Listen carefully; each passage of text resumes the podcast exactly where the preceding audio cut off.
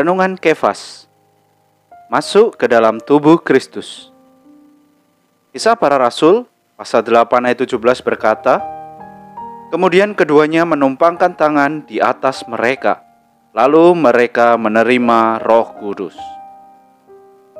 Penumpangan tangan penerimaan adalah melalui penumpangan tangan menerima orang yang telah dibaptis masuk ke dalam Kristus, ke dalam gereja tubuh Kristus.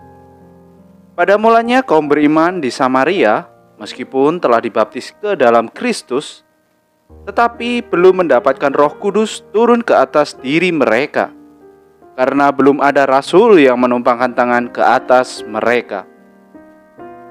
Mengapa bila para rasul menumpangkan tangan ke atas seseorang, orang itu dapat menerima Roh Kudus?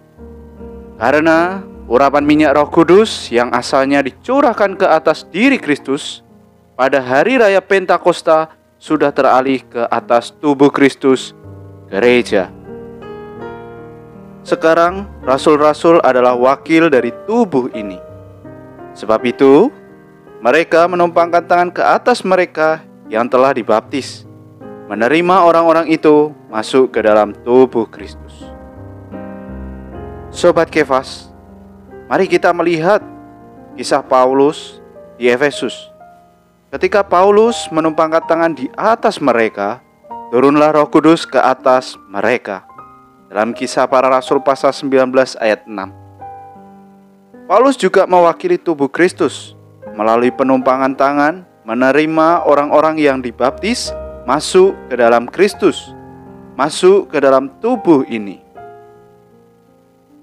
Terang hari ini, penumpangan tangan membawa kita masuk ke dalam tubuh Kristus. Orang yang menumpangkan tangan haruslah orang yang bisa mewakili tubuh Kristus, gereja.